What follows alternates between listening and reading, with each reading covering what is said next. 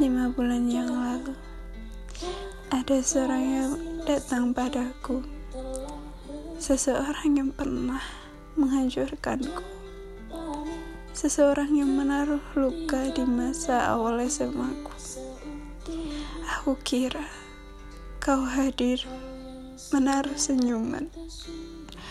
Jujur, selama ini segala hal rintangan sangat berat bagiku.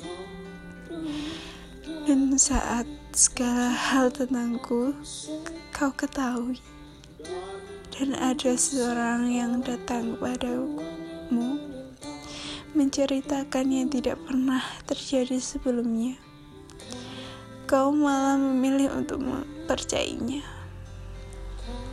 Awal pertama, kukira kau akan percaya padaku.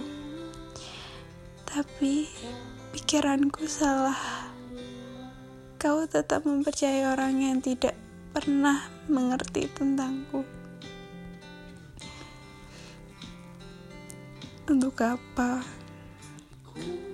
Untuk apa kau memaksaku untuk menceritakan semuanya?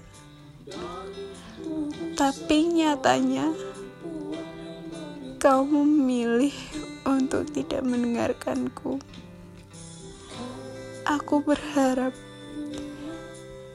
kau adalah seseorang yang membelaku saat seseorang menjatuhkanku. Tapi harapanku salah tentangmu. Mendengarkan sekaligus mempercayai pun kamu tak mampu. Apalagi untuk membela. Kau membiarkan seseorang menginjakku sampai mereka puas. Perihal memaafkan itu hal yang mudah. Tapi untuk menghapus segala perasaan itu. Itu lebih susah, apalagi mengembalikan sebuah nama yang sudah terkotori.